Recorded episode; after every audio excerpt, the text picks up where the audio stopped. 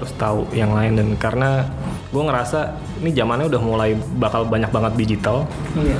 jadi gue mulai coba cari uh, ke UX designer even waktu itu istilahnya adalah GUI tuh? Oh. GUI GUI ngomongnya GUI bukan UI Graphical user interface atau graphic user interface. Masih dibilang graphic user interface bukan UI doang.